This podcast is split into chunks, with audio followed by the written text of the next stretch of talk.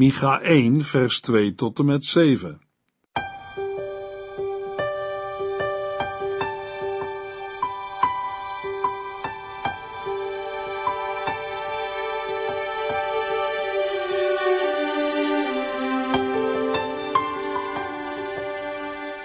Hartelijk welkom bij De Bijbel Door, een programma van Transworld Radio.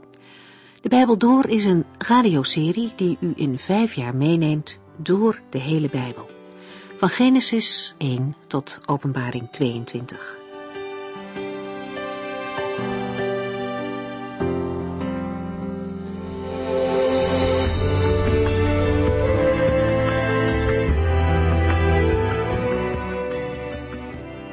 Vandaag kunt u luisteren naar een gedeelte uit de profetie van Micha. De vorige keer zijn we gestart met een inleiding op dit boek en we lezen nu de eerste zeven versen. Micha was een profeet uit Juda en zijn naam betekent wie is als de Heere. En dat is ook waar zijn boodschap om draait. Er is geen andere God zoals de Heere. Micha's naam heeft iets strijdbaars in zich. Hij doet denken aan de aartsengel Michael, een van de voornaamste engelen. In het Bijbelboek Daniel staat over deze engel. In die tijd zal de grote vorst Michael, die over uw volk waakt, opstaan en voor u vechten. De naam van de profeet tekent ook zijn onverzettelijkheid aan als het om het woord van de Heere gaat. Micha profeteert met het gezag van zijn zender, van de Heere. Hij zegt alleen datgene wat God zegt en wijkt niet van Gods woorden af. Maar de naam Micha doet ook denken aan bemoedigende teksten, zoals deze. Waar is een God als u, die de zonde van de overlevenden van zijn volk vergeeft? Verderop in Micha zullen we lezen over het toekomstige herstel en Gods belofte van zegen voor zijn volk. Want daar gaat zijn boodschap naartoe. Waar vindt u zo'n God? Wie is aan hem gelijk? Zoek geen andere God. Zoek de Heere en leef. Micha heeft een jaar of twintig geprofiteerd, vooral in Juda. Al aan het begin van deze periode werd het tienstammenrijk in ballingschap weggevoerd. Micha profeteerde onder koningen die heel verschillend waren. Jotam was een gelovige koning en vertrouwde op de Here. Agas was een van de meest goddeloze koningen die Juda heeft gekend. En Hiskia kennen we als een zeer gelovige koning die het volk heeft teruggeroepen tot de dienst van de Here. Laten we beginnen in Micha het eerste hoofdstuk.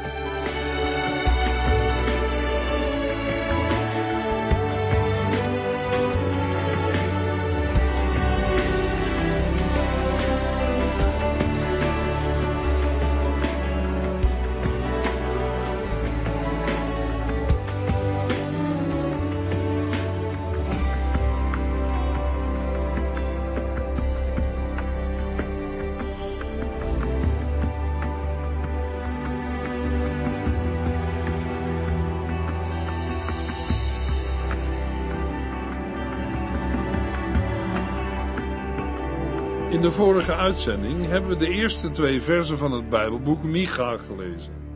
Om in het vervolg daarbij aan te sluiten, lezen we de eerste versen nog een keer. Micha 1 vers 1 Micha, die in de stad Moreset woonde, kreeg van de Heere in visioenen te horen wat er met Samaria en Jeruzalem zou gaan gebeuren.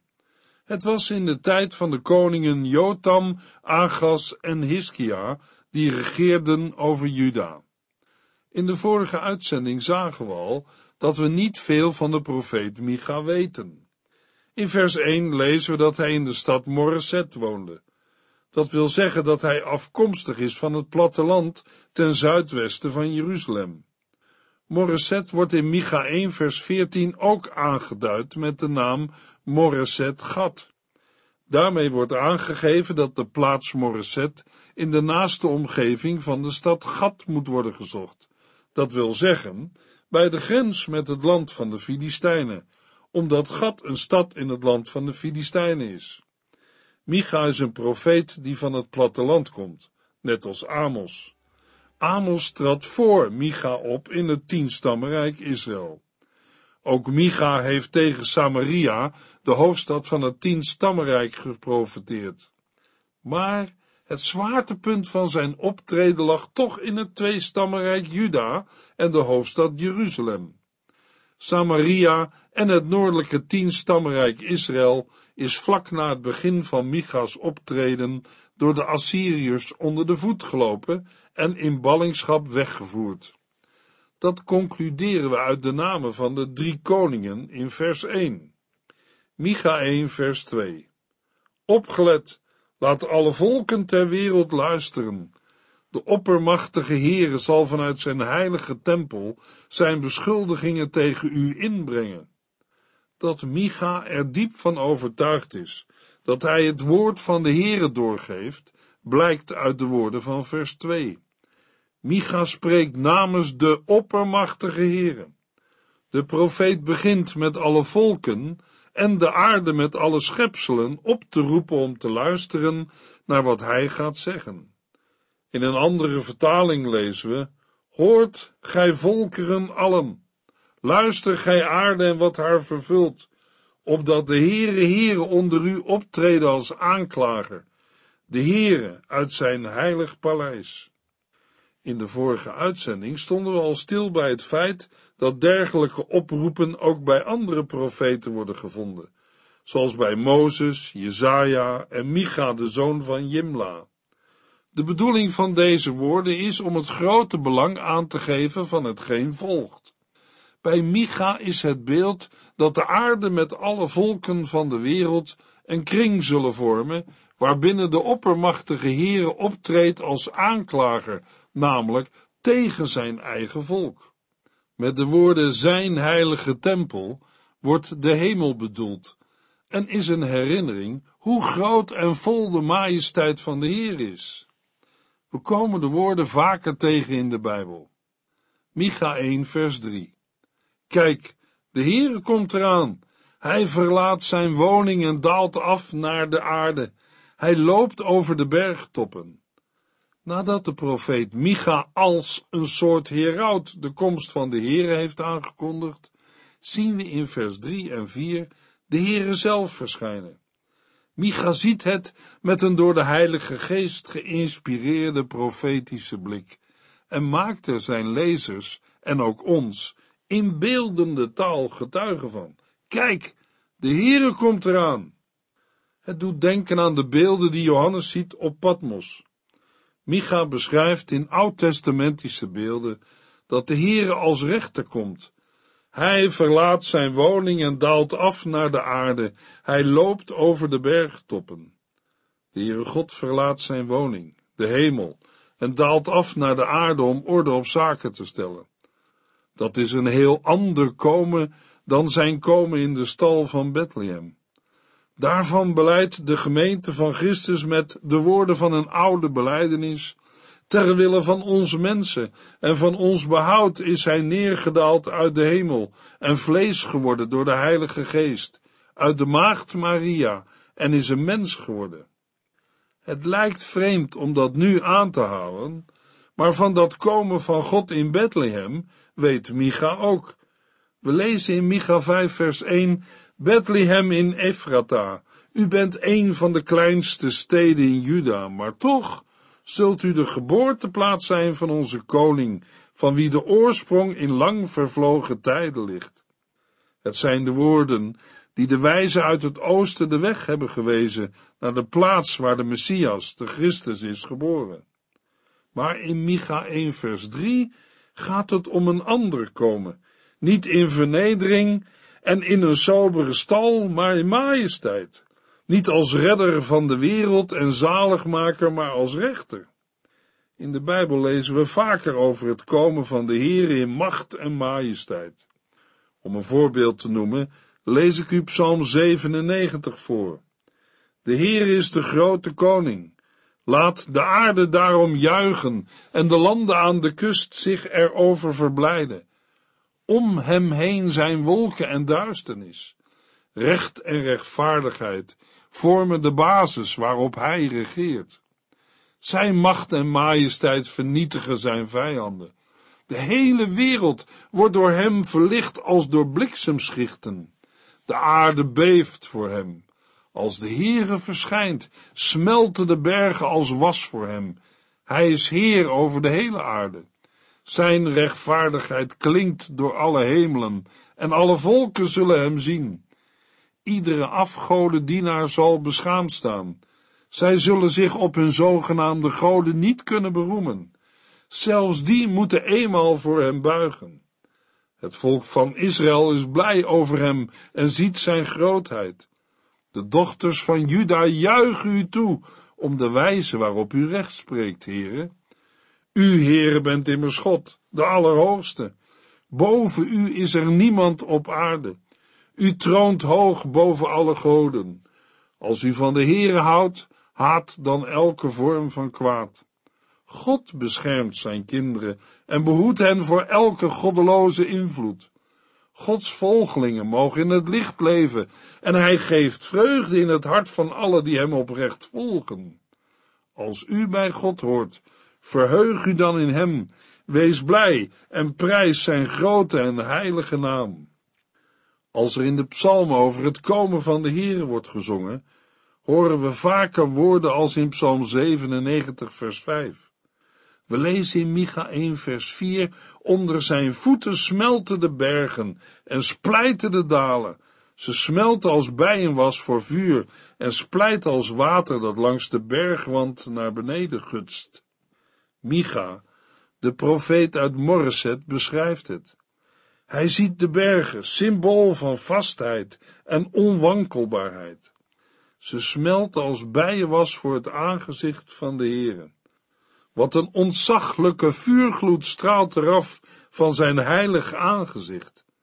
Daarbij splijten de dalen en stroomt het water weg en komt er ruim baan voor de Heere.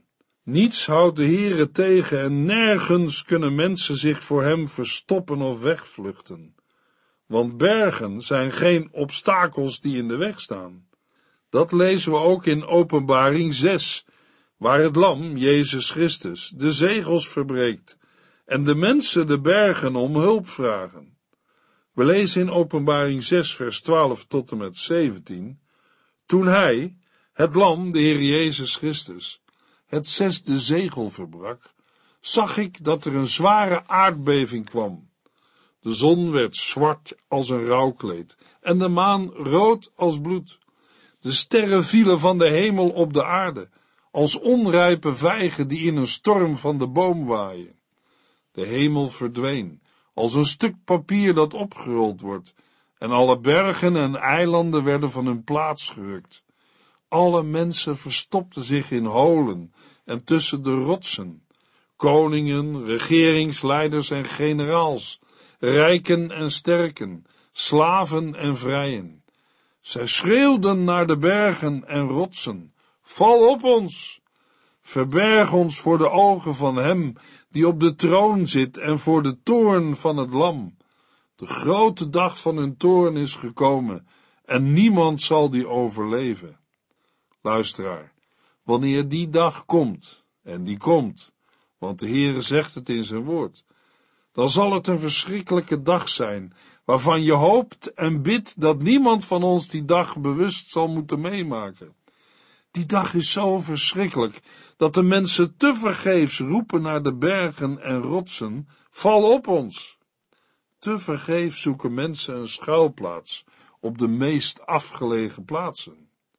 Bergen worden vlak en zeeën vallen droog voor het aangezicht van de Heere, als hij komt om te oordelen de levenden en de doden. Micha schrijft in vers 4, onder zijn voeten smelten de bergen en splijten de dalen. Ze smelten als bijenwas voor vuur en splijten als water dat langs de bergwand naar beneden gutst. Wat is er aan de hand? We lezen het in Micha 1 vers 5. Waarom gebeurt dit alles? Omdat Israël en Juda hebben gezondigd. Welke zonde hebben zij begaan? Zij hebben afgoderij binnengelaten in de hoofdsteden Samaria en Jeruzalem. Vlijmscherp klinkt de aanklacht van de Heere in de woorden die Micha uitspreekt. Het is Gods aanklacht tegen zijn volk. In een andere vertaling lezen we in vers 5, Om Jacobs overtreding is dit alles, en om de zonde van het huis Israëls. Wat is Jacobs overtreding? Is het niet Samaria? En wat is de zonde van Juda? Is het niet Jeruzalem? Met de aanduiding Jacob is in vers 5 het tienstammenrijk Israël bedoeld. Gods oordeel over Israël en Juda is er omdat zij hebben gezondigd. Toch is het niet Gods definitieve oordeel. Later zal blijken dat het een oordeel van de Heer is, omdat zijn volk op andere woorden van de Heer niet heeft gereageerd en zich niet heeft bekeerd. Nu moet de Heer strengere maatregelen nemen, want hij wil zijn volk niet kwijt. De Heere verlangt ernaar dat zij in hun nood weer tot hem gaan roepen en weer zullen gaan leven naar zijn woord en geboden. Zal een wegvoering in ballingschap hun leven veranderen? Zullen Israël en Juda terugkeren tot de Heere hun God en zal hij hen weer terugvoeren naar het land dat hij Abraham en zijn nageslacht beloofde? De Heer heeft er geweldige beloften voor gegeven en hij zal altijd doen wat hij heeft beloofd. Maar in Micha 1 is dat nog ver weg.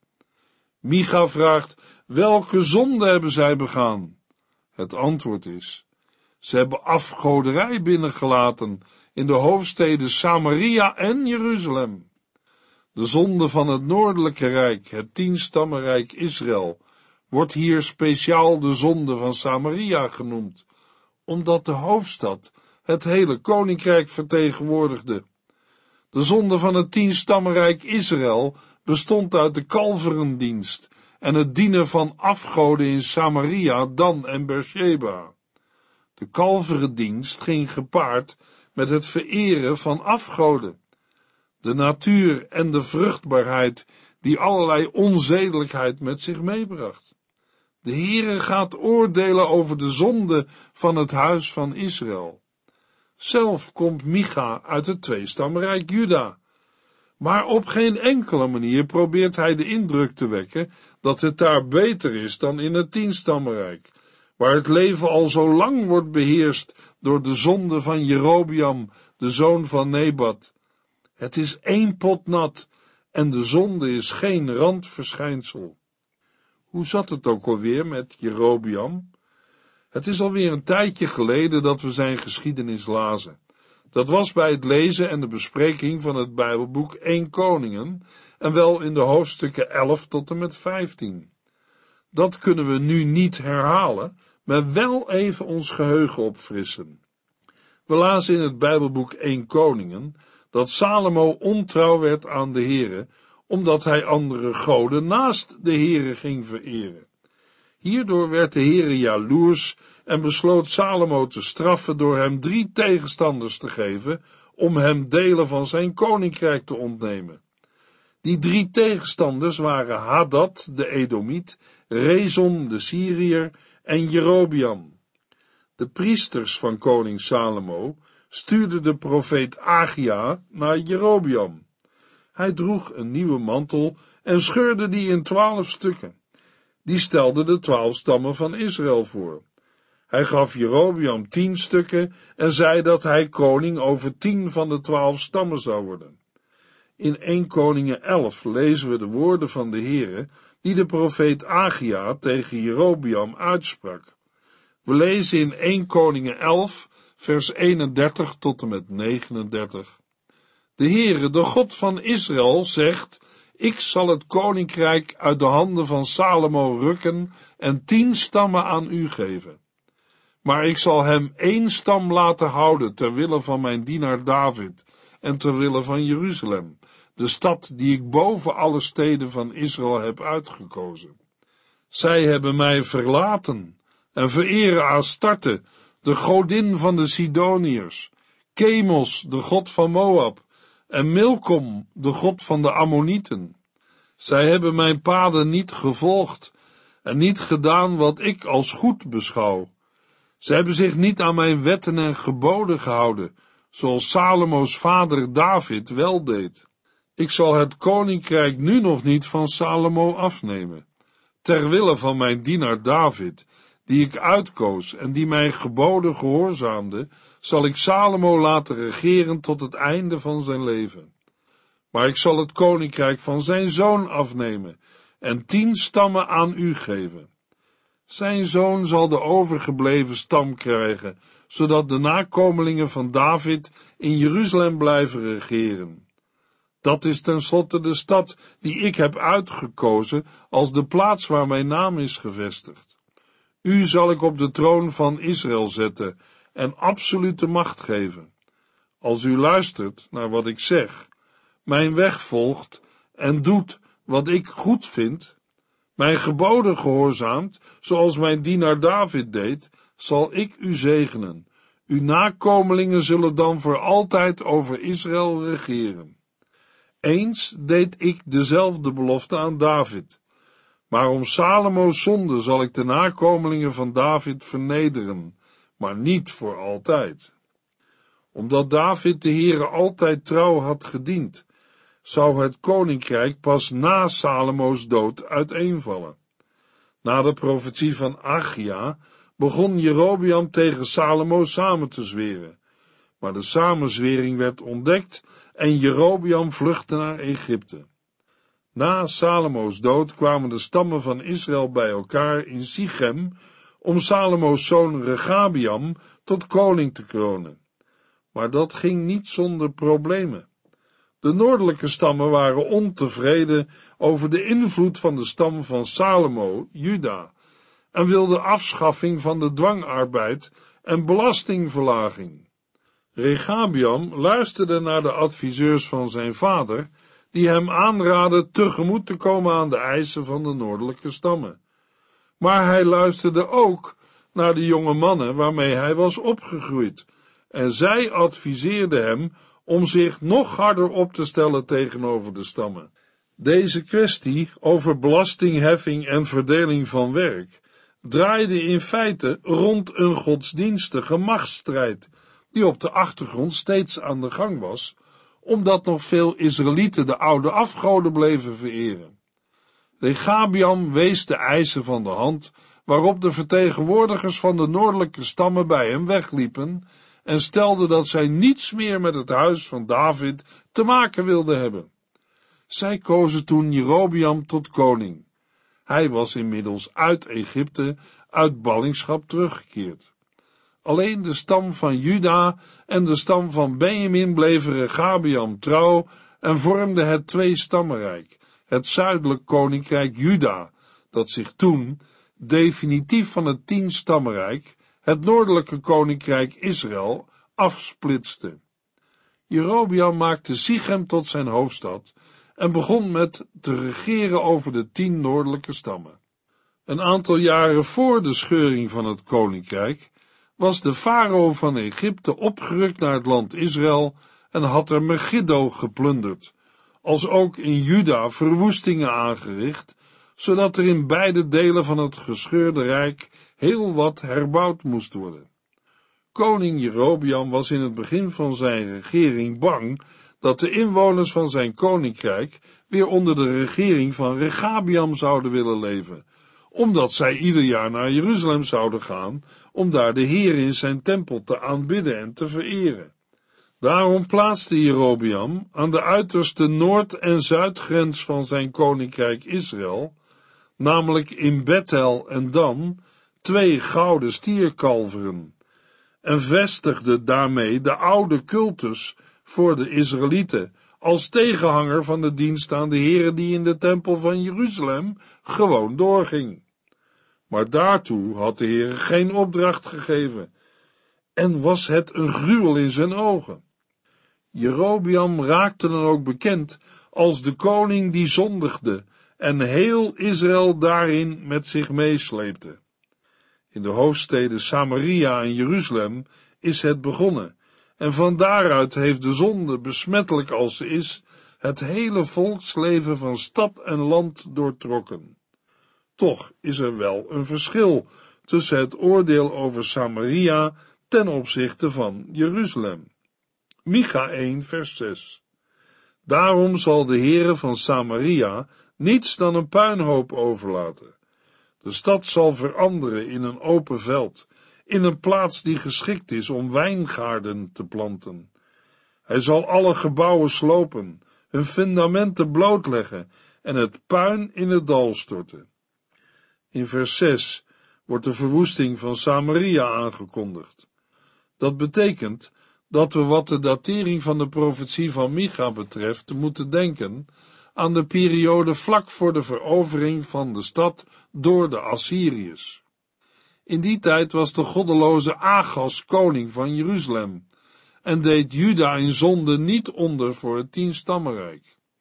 Maar terwijl de ondergang van Samaria in vers 6 op een aangrijpende wijze wordt getekend, blijft Jeruzalem voorlopig nog bestaan. Is dat omdat na de goddeloze koning Agas de vrome koning Hiskia de dienst van de Heere in Jeruzalem zal herstellen en het volk tot die dienst wil terugroepen? Het is in ieder geval een feit dat het tienstammenrijk Israël al zoveel langer in zonde leeft. Is het niet de afgodendienst van Agab, dan toch in ieder geval de kalverendienst in Dan en Bethel van koning Jerobiam. De Heere ziet de zonde niet door de vingers, en daarmee is Gods verbondsvolk een waarschuwend voorbeeld voor de wereld, voor ons. Om het met woorden van de apostel Paulus te zeggen uit 1 Corinthiërs 10 vers 6 en 7, die gebeurtenissen zijn een les voor ons. Wij moeten niet naar slechte dingen verlangen zoals zij.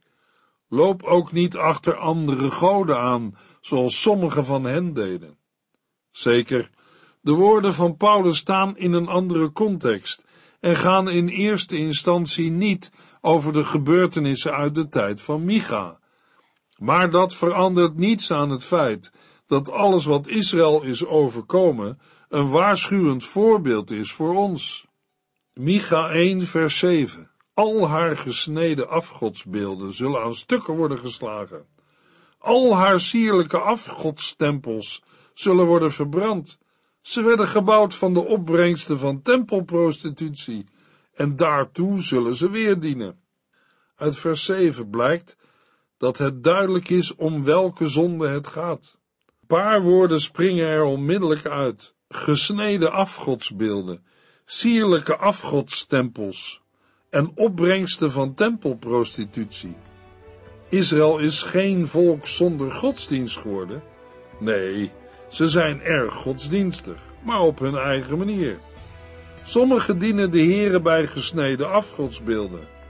Maar dat had de Heer nu juist verboden. In de volgende uitzending lezen we Micha 1 vers 8 tot en met 12.